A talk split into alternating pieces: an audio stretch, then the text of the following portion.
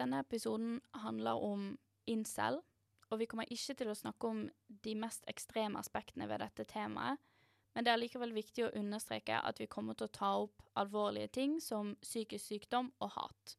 Vi oppfordrer heller ingen til å oppsøke disse forumene vi nevner. Dette er et tema som er vanskelig å snakke om, og jeg syns det er vanskelig fordi det handler om å møte mennesker som hater andre med medfølelse. Det er viktig å understreke at dette er ensomme mennesker som søker tilhørighet, men at det også er noen personer som har ekstreme holdninger.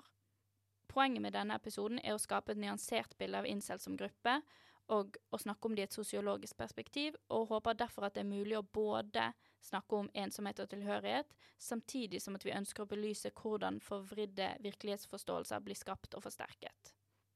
Dersom du kjenner deg igjen i deler av episoden, eller er aktiv i en eller annen grad inne på Incel-forum, og du ønsker å prate med noen om det, så kan du fint ta kontakt med Reform sin uh, mannstelefon.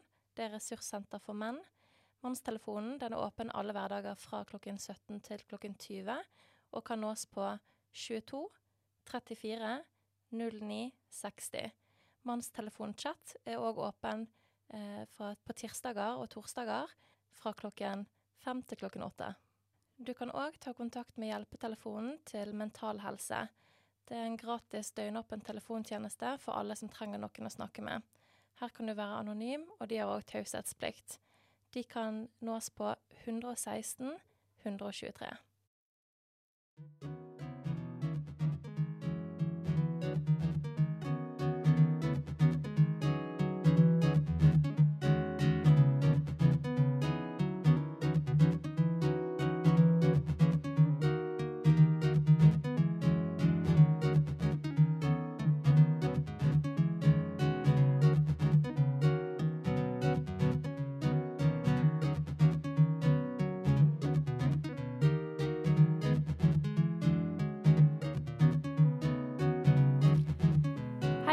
til Sosiopodden, episode tre. Jeg heter Mathilde, og jeg er masterstudent i sosiologi. Og med meg i dag har jeg Kristine, som også er masterstudent i sosiologi. Halloen! Og temaet i dag er rett og slett det Kristine skriver masteroppgave om, som er incel. Og incel står for involuntary celibate, altså ufrivillig sølibat. Og det er da primært gutter som samles på nett, og da snakker om eh, det at de sliter med å danne nære relasjoner. Det går kanskje an å si. Ja, det går absolutt an å si. Og at um, og man nå deler opplevelsen av sin egen selvopplevde ensomhet. Og, eh, og, dyrker den sammen da i online forum. Vet vi noe om omfanget? Altså hvor mange dette snakk om? Det har jo det er jo et tema som har fått eh, økt oppmerksomhet de siste årene. Vet vi hvor mange det er snakk om? Eh, det er vanskelig å anslå.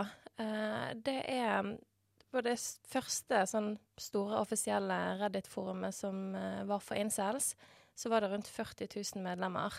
Mens i dag så ser man òg at medlemmene er jo veldig spredt utover ja. forskjellige ulike forumer. Så forskere har jo forsøkt å finne ut av hvor stort er egentlig dette omfanget her. Men eh, på tvers av eh, å spore IP-adresser og aktivitet på ulike forumer, så er det ganske vanskelig å anslå hvor mange det gjelder. Ja, og definisjonen på incel er vel noe sånn som at man ikke har hatt sex på Er det seks måneder? Det er eh, I forhold til, eh, til, akkurat den eh, tidsmarkøren der, så det er noe som Donnelly med flere Hun gjorde en studie i 2001 om eh, eh, var en av de første til å undersøke det å være ufrivillig sølibat. Eh, og da satte de en slags tidsmarkør på seks måneder, mm. eh, fordi at da mente man at, eh, at det var en eh, lang nok tidsperiode for at de aller fleste som ikke hadde hatt seks på seks måneder, ville oppleve en form for frustrasjon rundt det. Ja. Men de understreker òg at tidsmarkørene er kanskje ikke så veldig heldige å bruke. Men at det aller viktigste er at man sjøl anser seg sjøl som ufrivillig sølibat. Ja, ja, for det er jo et viktig poeng at uh, dette handler om den selvdefinisjon. Um, og en definisjon som på en måte er laget av de som sjøl benytter seg av, uh, av identitetsmarkøren. Og også det at uh, Ja, dette med at det er vanskelig å anslå hvor mange, det har jo også med, oss, med at folk deltar i forumene uten å definere seg som incel. Altså, det går jo ikke Selv om man er på incel-forum, så er ikke det kanskje alle som ville kalt seg sjøl for det. Nei, absolutt ikke. Og incel er jo òg blitt et ganske ladet begrep med årene òg, sant. Og Ja. eh, det innebærer mye som kanskje ikke alle sammen står for. Nei, det kommer vi til å komme inn på etter hvert. Um, at uh, i på en måte ja, ganske lukkede internettforum så, så finner man jo også folk som deler og ikke deler samme tankegods. Har du lyst til å si litt om eh, hvorfor du valgte å, å se på dette? Jeg vet jo at du skrev bachelor om incel også. Ja, det stemmer. Jeg, eh, våren 2020, midt under lockdown og alle sammen, så eh, satte jeg meg ned og så gjorde jeg en kvalitativ innholdsanalyse av eh, Incel-forum. Og jeg hadde veldig lyst til å gjøre noe mer eh, kvalitativt som intervju, f.eks., men det ble ganske vanskelig å gjennomføre for en bacheloroppgave. Mm. Men da undersøkte jeg eh, en av de aller største plattformene for incels, og så på eh, Prøvde å eh, se på hvordan de eh, konstruerer sitt eget bilde av virkeligheten, da.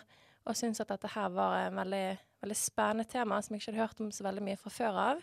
Men jeg så at eh, med tiden som gikk òg, så kom det til stadighet mer forskning på det. Eh, Så jeg bestemte meg rett og slett for at jeg har lyst til å dyppe, dykke litt eh, dypere ned i dette her. Og eh, begynte fra høsten av i fjor å få til intervjuer.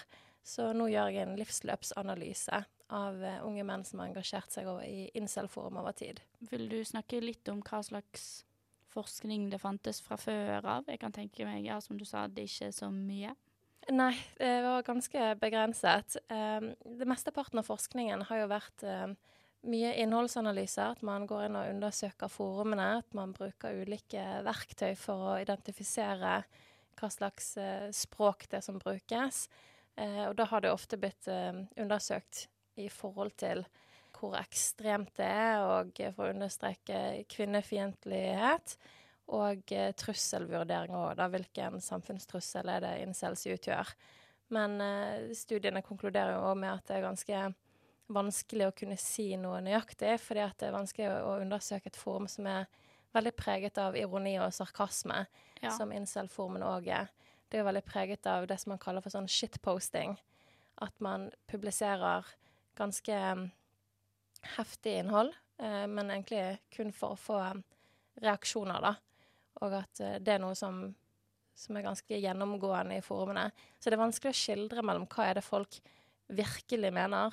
Eh, er det dette som man leser, er det noens faktiske innerste tanker og følelser, eller er det bare ja, tull, rett og slett. ja. Men det er òg mange studier som nå de siste årene har begynt med mye spennende statistikk. Eh, og da er det jo mange av forumene som av og til gjør sine egne interne undersøkelser, da. Problemet der er jo kanskje at det ikke er så veldig mange som deltar. Eh, og at de forumene som gjør det, det er ofte ja, typ vestlige forum, da. Altså amerikanske nettsteder. Eh, så det gir kanskje et litt sånn skeivt bilde òg. Hvis det kun er amerikanske og europeiske brukere som benytter seg av de plattformene og svarer på de undersøkelsene. Ja, ja, for dette er et fenomen som på en måte fins verden over, holdt jeg på å si. Ja, vil, vil jo tro det. Eh, jeg har eh, hørt om flere lokale eh, incel-forum, og da går det jo ofte mer på over mer lukkede kanaler, som er òg vanskeligere å skulle få innpass til å kunne undersøke.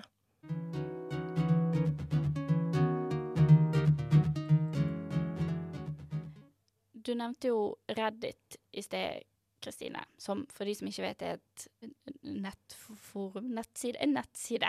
Et sosialt medium. Hvor ellers er det man kan finne incel? Du nevnte jo at de kanskje ikke var på Reddit mer.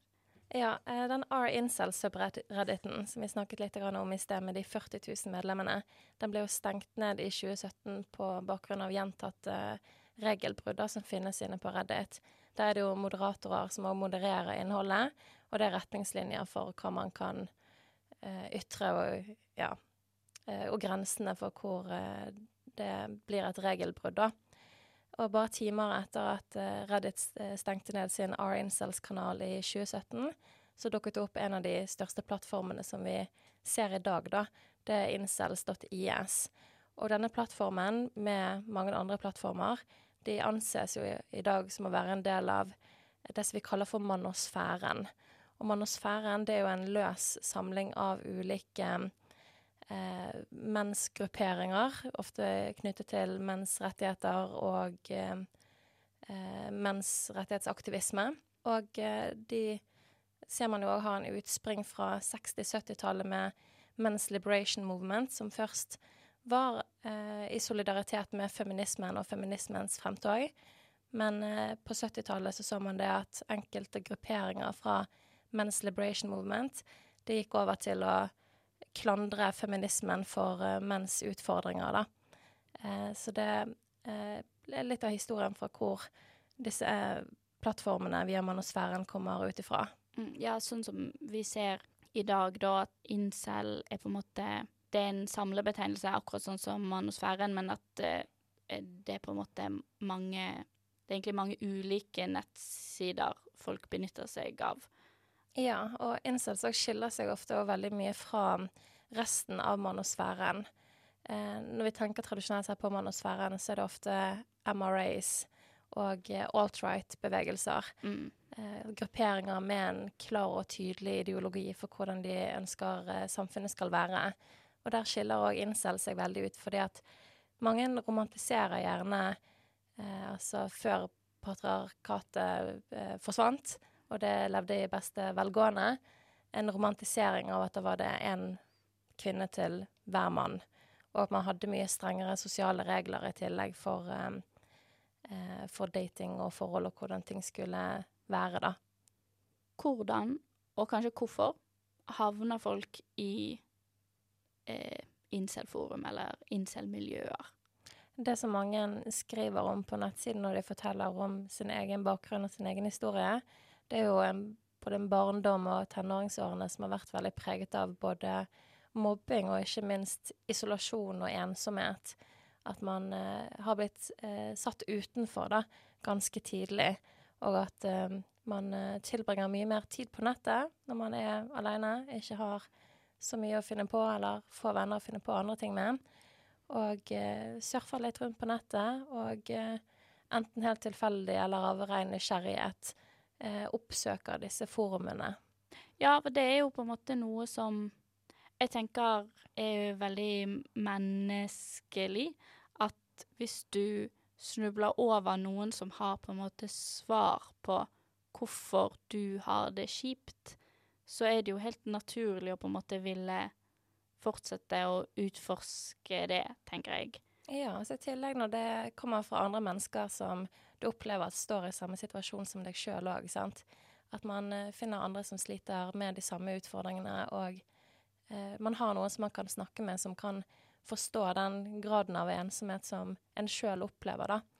Ja. ja, for det er jo litt viktig at selv om det i navnet ligger ordet sølibat, eh, så handler ikke dette bare om sex. Det handler om på en måte eh, vanskeligheter for å danne nære relasjoner generelt og danne parforhold. Så på en måte dette er ikke nødvendigvis uh, bare i hermetegn at man ikke uh, har noen å ha sex med, mm. men at uh, man savner en type nærhet. Og så kanskje man på en måte Noen tillegger et likhetstegn mellom at på en måte sex ville gitt en den nærheten, og det er jo ikke helt sikkert, men ja. Det er i hvert fall det som også ønskes. Absolutt. Sant? Noen å dele sine innerste tanker med å kunne knytte dype og meningsfulle bånd med òg, sant. Mm. Det vil jo òg være viktig for mange. Ja, og det som, som vi har nevnt, så er jo dette mer eller mindre lukkede forum. Og da kan det jo oppstå det som kalles ekkokammer, eller på en måte bekreftelsesbias, der hvis man eh, Ja, øh, hvis man blir ut... Hva, hva, heter det? Hvis man blir uh, Eksponert? Eksponert for uh, bare mange av de samme meningene uh, over lang tid, så vil man jo føle at ja, dette her bekrefter seg sjøl, holdt jeg på å si. Mm. Det trenger nødvendigvis ikke å ta så veldig lang tid heller, sant? men at du leser et materiale som for deg gir mening, og som det er enkelt å knytte til sitt eget liv igjen, sant, Mm. så er jo det ofte nok, det òg. Ja. For å skape den bekreftelsesbiasen, da.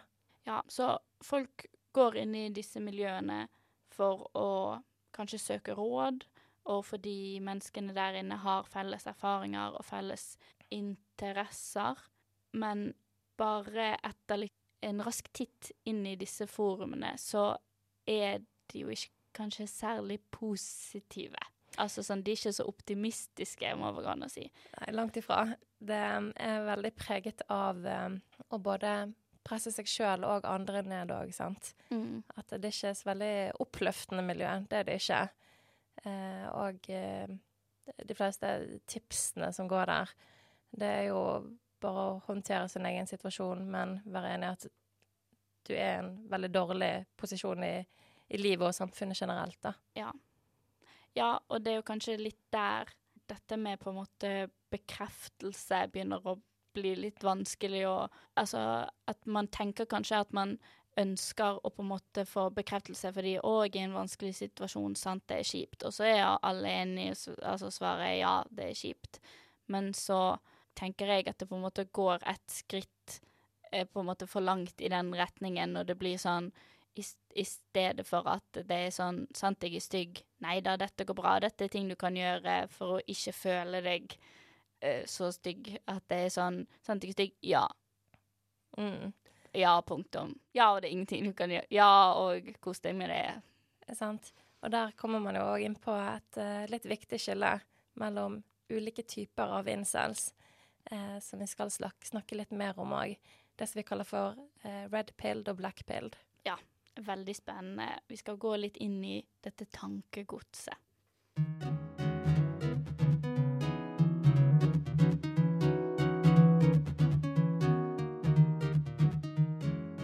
Når vi snakker om en slags incel-ideologi, så er det viktig å påpeke at vi ikke faktisk mener ideologi. Dette er ikke en gruppe mennesker som har felles mål. Dette er heller snakk om ulike forklaringsmodeller eller filosofier for hvorfor man er incel, hvem som er incel, eller kan kalle seg incel, og om det er mulig å slutte å være incel. Og en av de største, på en måte, mm, hva skal vi si, virkelighetsforklaringene Mm. er nettopp dette med red pill og black pill. Kan du forklare litt mer om hva det betyr? Ja, det kan jeg gjøre. Uh, the red pill er jo en eh, Det er jo en metafor som er direkte hentet fra filmen The Matrix fra 90-tallet, eh, der hovedpersonen Neo han eh, får et valg mellom den blå pillen og den røde pillen. Bakgrunnen for dette valget er at eh, både han og mange andre de lever i en simulasjon. Ja, simulasjon. Ja. simulasjon. Eh, hvis han velger å ta den blå pillen, så vil han rett og slett leve et naivt liv og tro at den eh, simulasjonen er det faktiske livet, og leve lykkelig med det. Mm. Mens hvis han tar imot den røde pilen og tar den, så vil han være våken for uh, livets uh, vederstyggeligheter, da, som Ja. vi kaller det. Uh, og innse hvordan samfunnet og verden man lever i, på en måte faktisk er, da. Og for incel så vil det være at samfunnet det vil alltid være ufordelaktig rigget mot menn som de, og alltid forsøke å trykke de ned. Mm. Men det som er òg med the red pill, det er at eh, alt håp er på en måte ikke helt ute. Man har ulike strategier for visse former for inceldom, da, hvis man kan kalle det det. Da snakker man ofte om eh, å benytte seg av kosmetiske operasjoner for å gjøre ansiktet mer eh, attraktivt. Man eh, kan tjene mye penger. Det kalles for status maxing. Yes, og man kan eh, eh, rett og slett eh, gå på gymmet, trene og få en bra kropp, og det er det man kaller for gym maxing. Og det er ulike strategier for å både håndtere og forhåpentligvis, som de sier det, ascende fra sin inceldom. Så det er en eh, Det snakkes mye om som en slags tilstand som man kan gå ned i, men òg eh, stige opp ifra.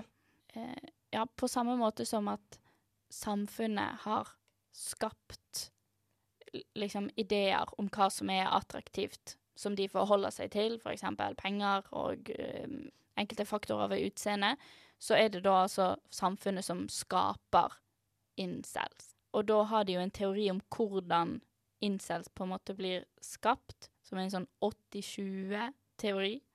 Ja, 80-20-teorien det går ut på at de mener det at 80% av kvinner alltid vil velge de 20% mest attraktive mennene for å innlede romantiske relasjoner med, da. Og at eh, det, det skaper eh, vinnere i det seksuelle markedet, og det skaper tapere i det seksuelle markedet, som da vil være incels. Så på den måten så er på en måte samfunnet rigget mot disse ufordelaktige mennene. Ja, det er det som um, The Red Pill uh, ofte sier. Og The Red Pill òg er veldig moralistisk. Uh, for uh, The Red Pill så finnes det to typer av mennesker.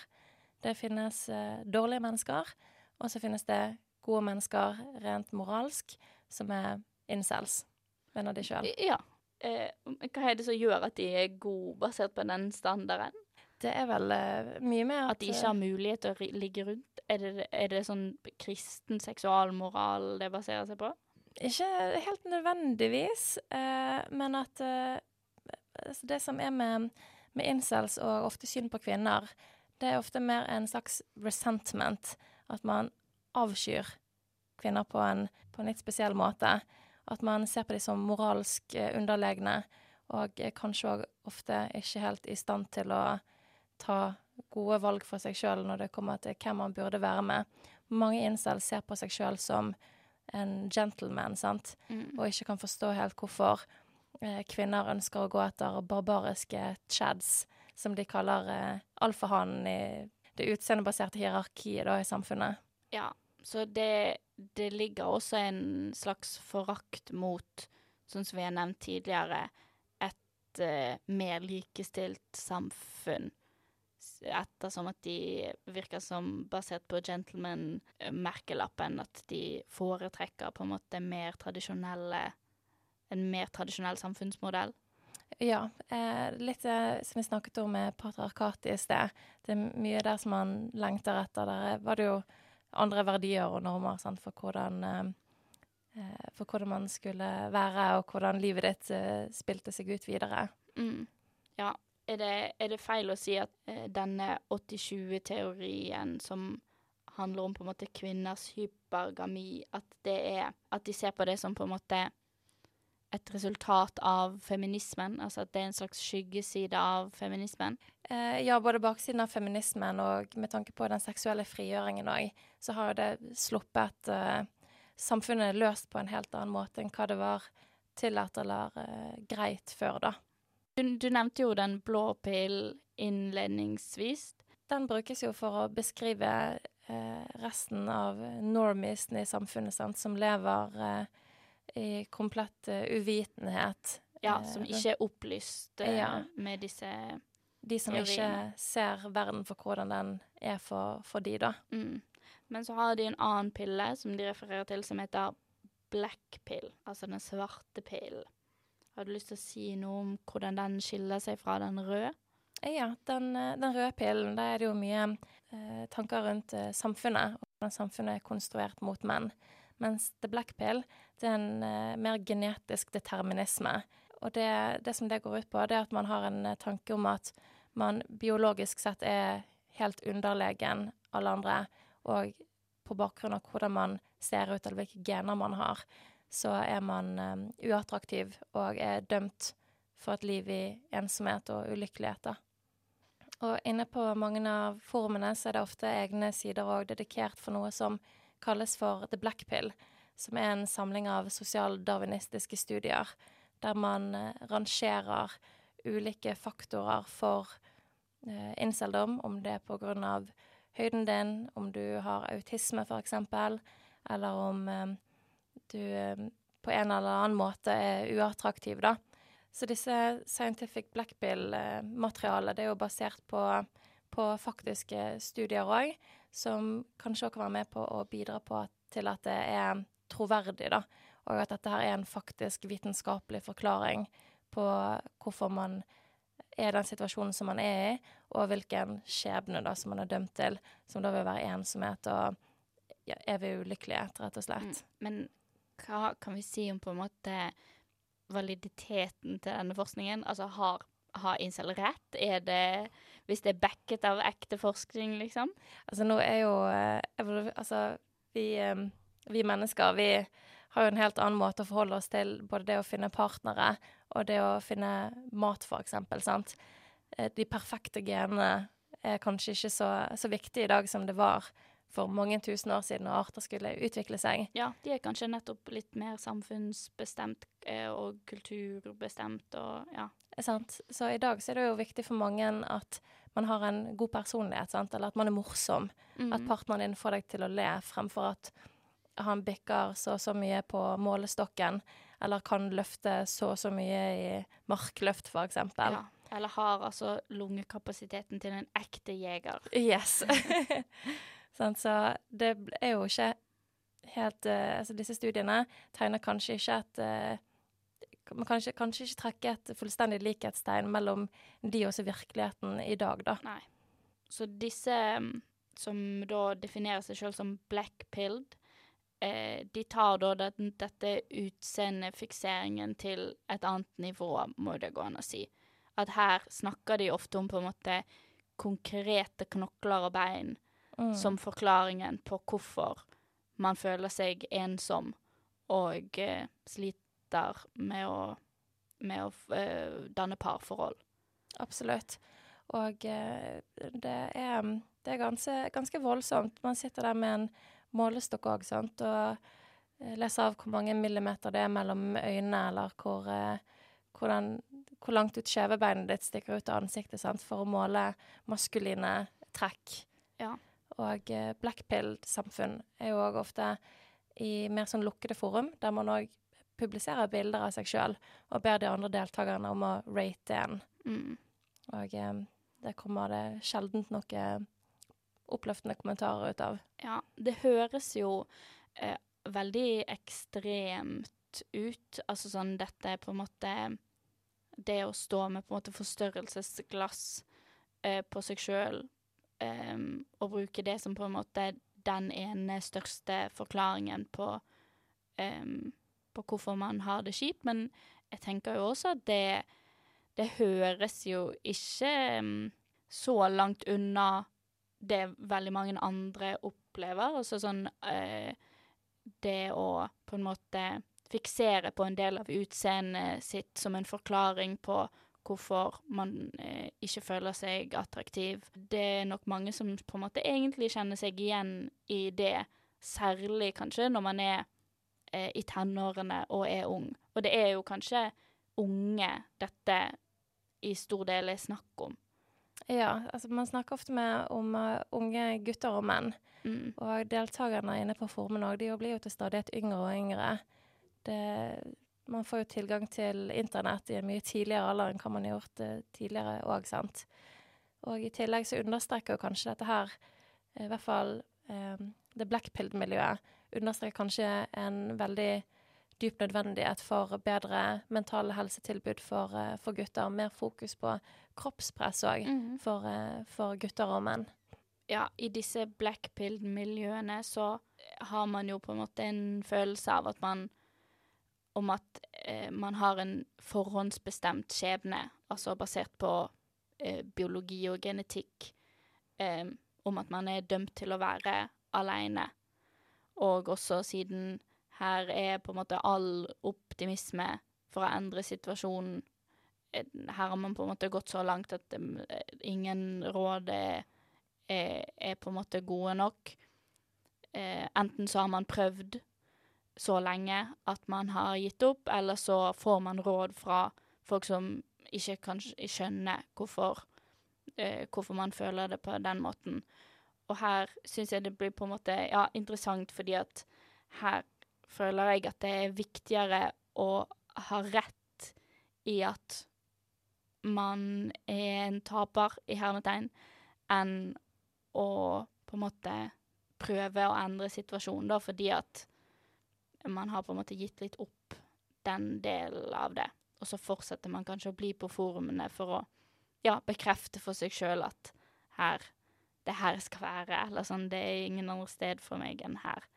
Og det er jo veldig trist. Det er veldig trist, og så kan det jo òg i verste fall bli ganske farlig for en sjøl òg, sant. Ja.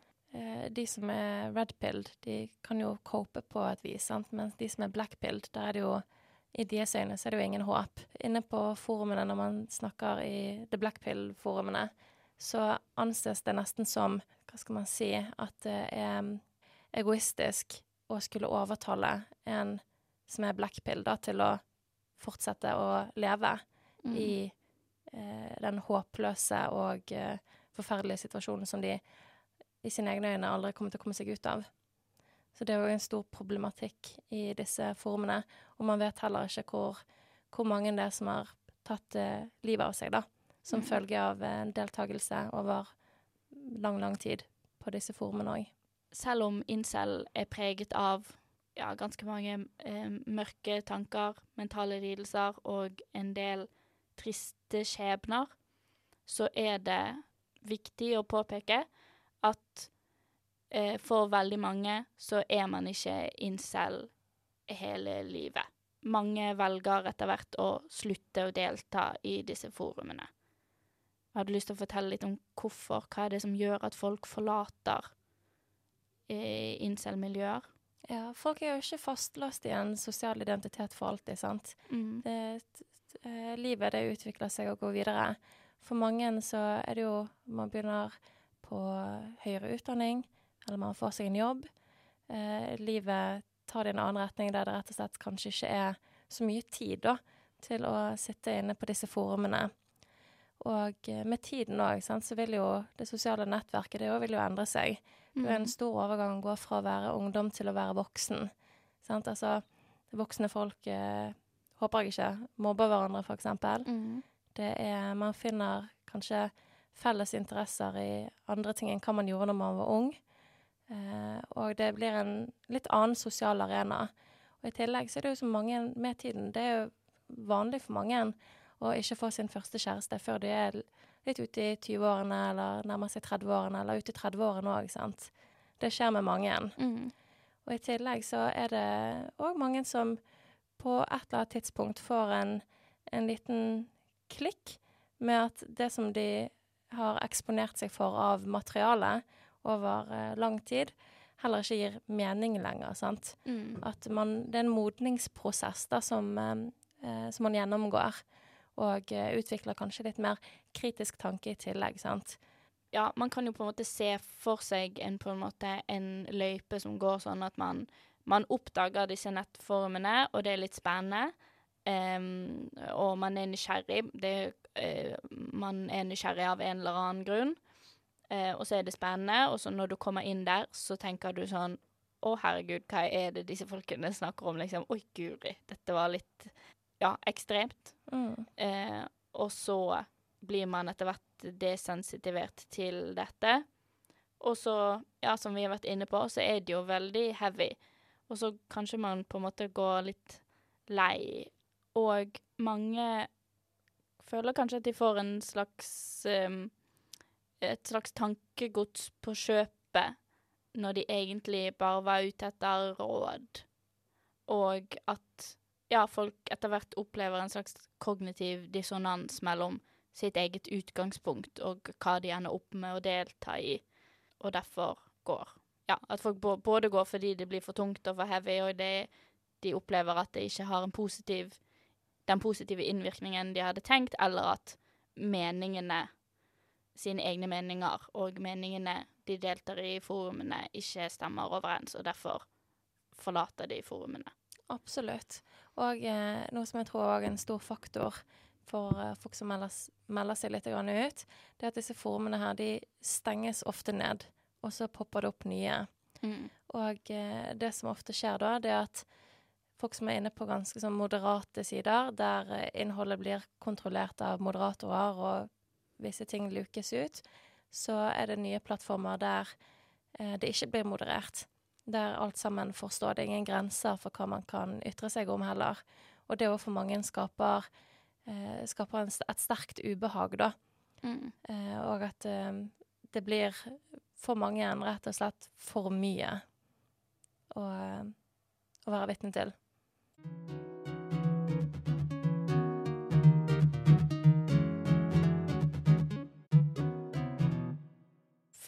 Å si noen avsluttende ord, så vi har jo nevnt litt eh, dette med at eh, livet går videre, selv om man på en måte på et tidspunkt i livet befinner seg på et eh, incel-forum, eller definerer seg sjøl som incel, så må ikke det nødvendigvis ha så mye å si for resten av livsløpet sitt. Det er også viktig å påpeke når man snakker om incel som gruppe, at her er det stor variasjon innad. At her finnes det absolutt mennesker med veldig ekstreme og voldelige holdninger, men at det betyr ikke det at majoriteten tenker på denne måten. Og her er det jo, ja, kanskje først og fremst en samtale om, om ensomhet og en følelse av utilstrekkelighet blant menn og psykisk sykdom, og en på en måte en fortelling om tilhørighet. Og det tror jeg på en måte er ganske Altså, det er også Selv om vi også snakker om på en måte ekstremer, så er det også veldig mange ting som er veldig forståelig og menneskelig, og på en måte søke tilhørighet når man har det kjipt. Og det er jo kanskje noe av det viktige å få fram i en episode som denne, at her er det snakk om folk som trenger hjelp. Og da er det viktig at vi har gode ordninger på plass som gjør at disse menneskene, som da er unge gutter ofte, føler seg hørt og forstått og ivaretatt, gjerne før de ender opp eh, i forum som kan dyrke frem meninger de i utgangspunktet kanskje ikke hadde. Det er også litt derfor du, Kristine, har hatt lyst til å snakke om dette her i podkasten, og i et forsøk på å få et, slag, et litt mer nyansert bilde. Ja, i hvert fall for å komme på en måte litt mer til roten av det som er ved, ved det hele, sant. Det, det er sånn som du sier, ensomme unge menn som sliter på ulike plan i livet, sant, som søker det som de fleste av oss gjør når vi har det vanskelig. Og det er jo noen å snakke med, noen å dele følelsene og tankene med. For mange så er det ikke et iboende f.eks. kvinnehat eller eh, voldsdyrkelse, men eh, rett og slett menneskelige følelser og emosjoner, da, som, eh, som er grunnlaget. Mm. Og så er det et uh, vanskelig tema, dette her med nettsamfunn, og hvordan man skal forholde seg til sensur, som veldig mange store plattformer holder på å finne ut av as we speak, om liksom hva Altså, er, er sensur et et bra virkemiddel for å unngå hatprat på nett. Men det er også viktig å på en måte understreke at eh, internett har kommet for å bli, og at eh, nettsamfunn kan være superbra. Altså, det er eh, Det kan være et fantastisk sted å finne eh, likesinnede, finne mennesker med felles interesser, særlig for de som kanskje havner utenfor i typisk skolesammenheng. Folk som føler eh, seg utenfor, og som opplever at de blir sett på som sær, f.eks. i en typisk eh, ungdomsskole, videregående setting. Og at det at disse menneskene finner ja, likestinnede, finner sine egne sære gjenger på nett, er jo superviktig. Og at derfor så er det på en måte vanskelig å se på internett som den store, stygge ulven, um, når vi vet at det også kan være uh, kjempepositivt. Og så er det jo også viktig dette her med at, uh, so, som du har sagt, det, det er ikke så mye forskning om dette per nå, men at ja, en nyansert debatt og mer forskning kan også på en måte øke forståelsen og skape flere løsninger for hvordan man kan unngå at folk både hater seg sjøl og andre. Absolutt. Og i den anledning vil jeg gjerne tipse om eh, Reform sin nyeste rapportlansering om incels i Norge. Der kommer de òg med ganske mange gode råd for, um, for møte med, med incels, da. Både på um, samfunnsnivå og på ja, individnivå òg. Mm. Det trengs en mye mer nyansert uh, offentlig debatt òg rundt, uh, rundt temaet. Da tror jeg vi vil takke for oss. Um, takk til deg, Kristine, som uh, ville stille opp. Takk for at jeg fikk komme. Ja, og takk til dere som har hørt på. Ha det bra! Ha det!